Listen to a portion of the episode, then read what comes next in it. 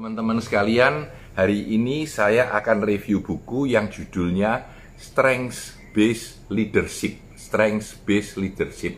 Kepemimpinan berdasarkan kekuatan kita. Nah, uh, kalau Anda bayangkan, ya Anda bayangkan, siapa sih pemimpin yang Anda hormati kepemimpinan sehari-hari?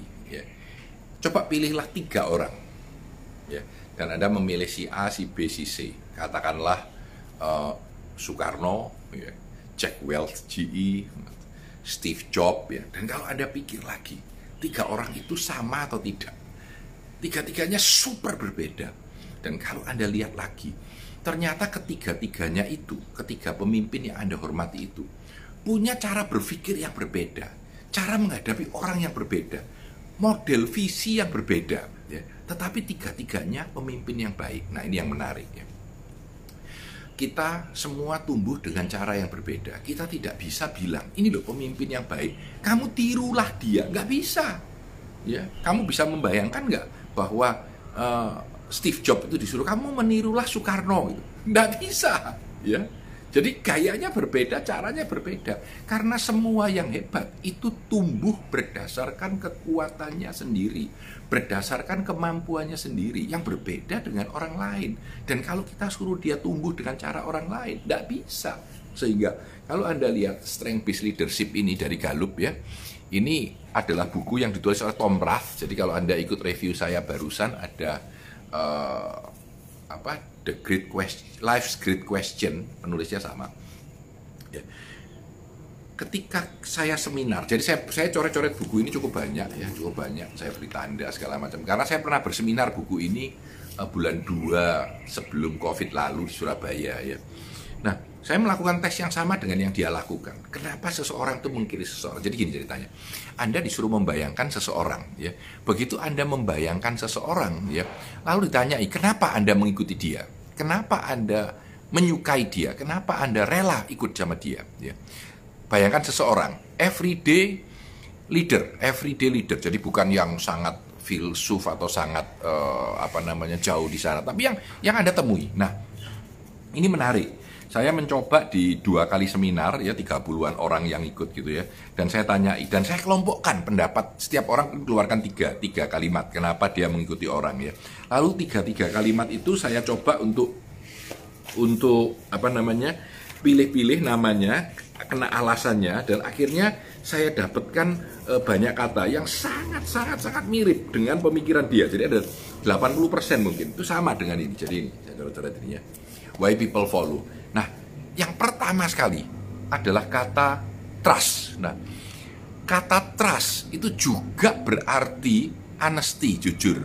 Juga berarti integrity, integritas. Juga berarti respect, hormat. Jadi, Kenapa kamu ikut dia? Oh, saya hormat sama dia, Pak, karena kelakuannya baik, apa yang dia kerjakan sama dengan apa yang dia katakan, karena saya bisa percaya sama dia apa yang dia katakan. Nah, ini trust.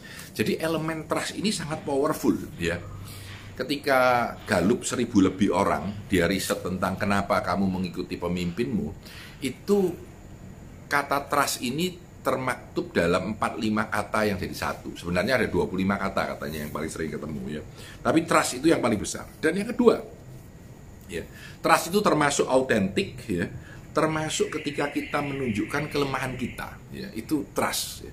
yang kedua compassion compassion ini adalah love care friendship, happiness, ya.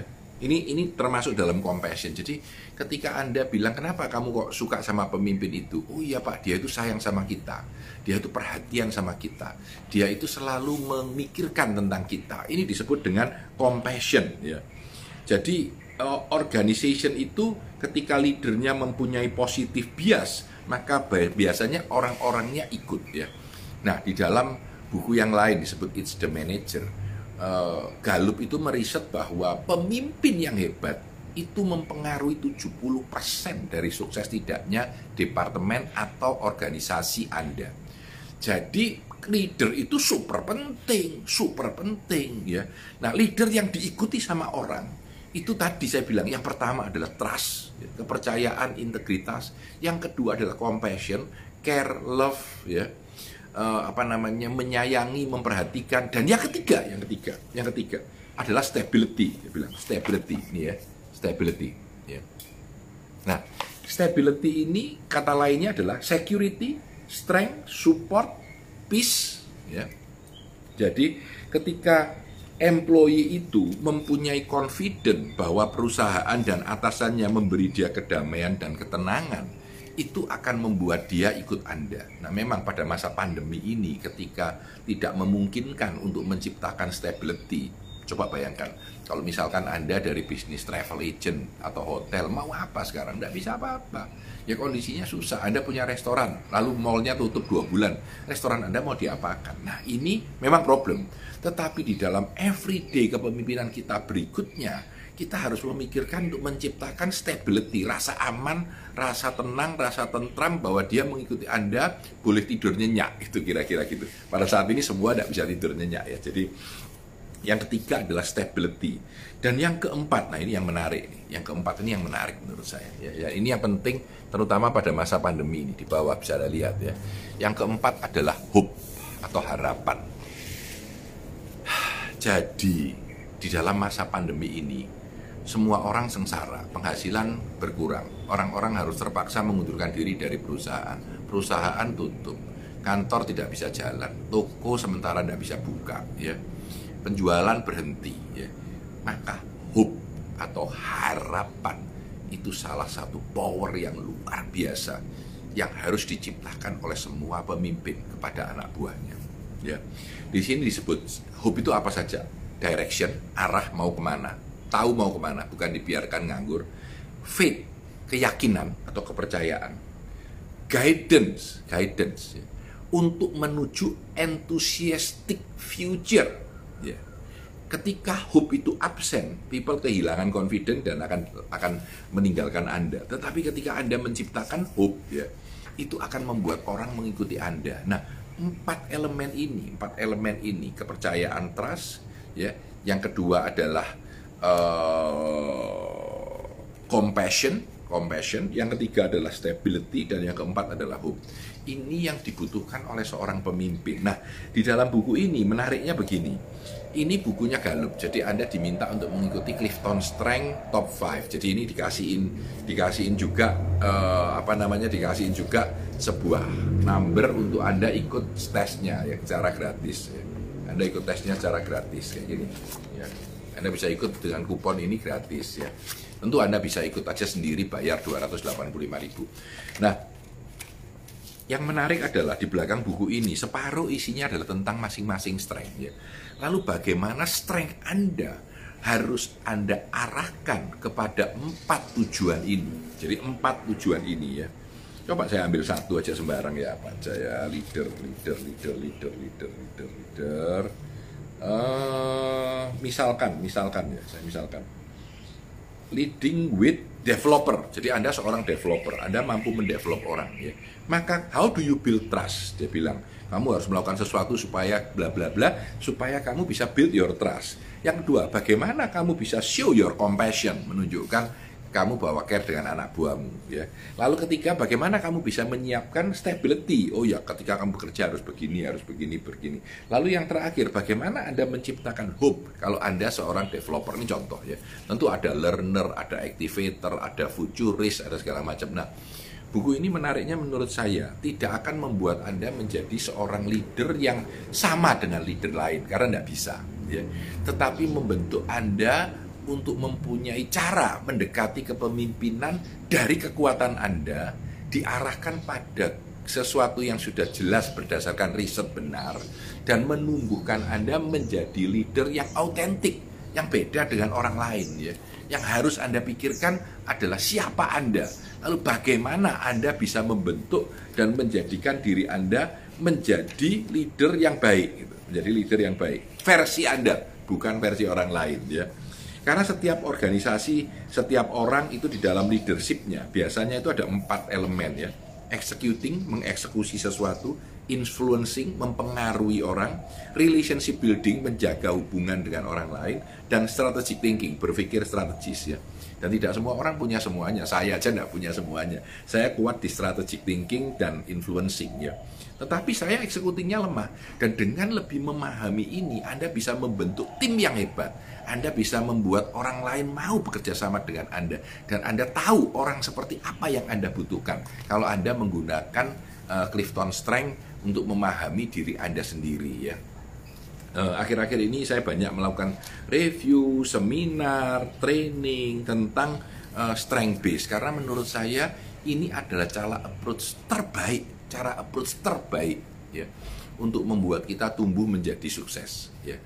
Uh, saya sendiri pada akhir-akhir ini sejak Desember lalu selalu melihat strength saya apa dan mencoba mengembangkan strength saya. Saya kasih contoh.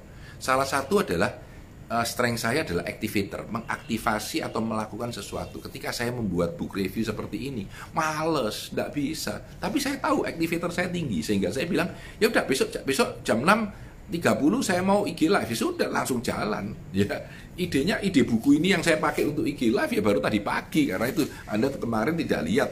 Saya di saya punya IG story tapi tadi pagi saya tulis 6.30 saya mau bikin IG live. 6.30 ternyata di sana koneksi saya jelek gitu. Putus ya. Di tengah putus sehingga akhirnya saya keluar lagi saya rekam ini lagi gitu. Jadi sini yang kedua sebenarnya. Tadi sudah running 6 menit saya putus gitu ya. Nah uh, activator saya kuat sehingga saya selalu mengaktifasi, mengaktifasi, mengaktifasi, mencoba melakukan sesuatu, memindahkan apa yang ada di benak saya langsung menjadi sebuah action. Nah, ini kelebihan saya dan saya akan memanfaatkan kelebihan ini dengan lebih tajam.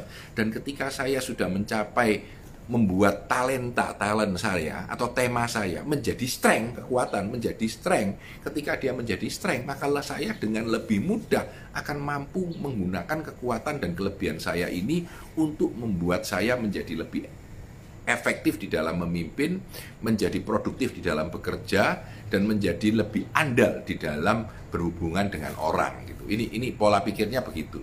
Jadi Anda nggak bisa, saya mau niru dia nggak bisa karena pola pikir Anda beda dengan dia. Ya, saya dengan mudah bisa melakukan IG live review buku setiap hari satu sudah mungkin beberapa minggu setiap hari satu ya.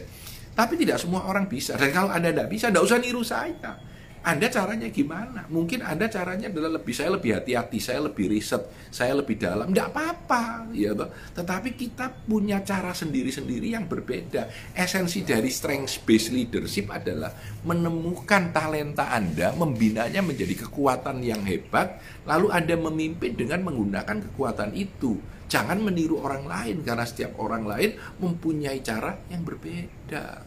Ya. Itu esensi dari strength based leadership ya.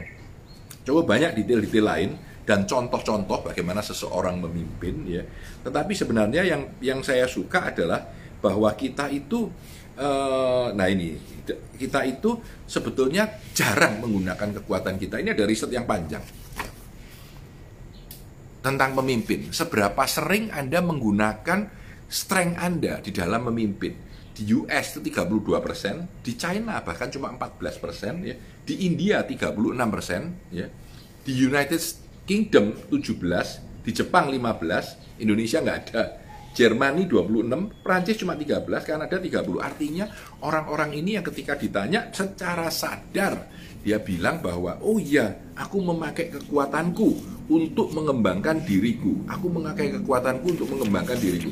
Tidak semua orang mampu melakukan itu. Jadi kita harus sadar bahwa semua orang itu jarang, justru jarang ya menggunakan itu di dalam e, mengembangkan ke, ke suksesnya. Nah ini ya ini juga riset yang kedua. Dia bilang bahwa apakah anak buah Anda merasa engage dan terlibat di dalam kepemimpinan Anda? Ternyata kalau anak buah Anda tidak memikirkan strengthnya, engagement itu hanya di running di 9%. Tetapi ketika anak buah Anda memikirkan banget tentang kelebihannya, mereka engagementnya terhadap pekerjaannya 73%. Ya, 73%.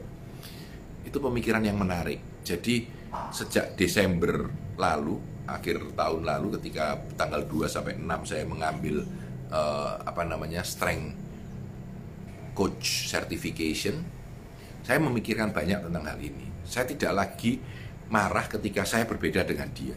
nggak usah dipaksakan. Standar pasti sudah ada ya. Tetapi hal-hal detail nggak usah dibedakan karena dia dengan saya beda. Dan kita akan membantu orang lain tumbuh dengan kekuatan dia. Kita sendiri akan tumbuh dengan kekuatan kita. Ya. Karena setiap orang itu beda dan kita harus menghargai dan kita harus menumbuhkan talenta dan kekuatan kita masing-masing. Teman-teman yang lagi mendengarkan, saya kelihatan beberapa teman lama semua. Selamat mendengarkan, terima kasih ya sudah mampir di IG Live saya. Saya Tanah Di Santoso, ini adalah review Strength Based Leadership. Salam sukses untuk Anda.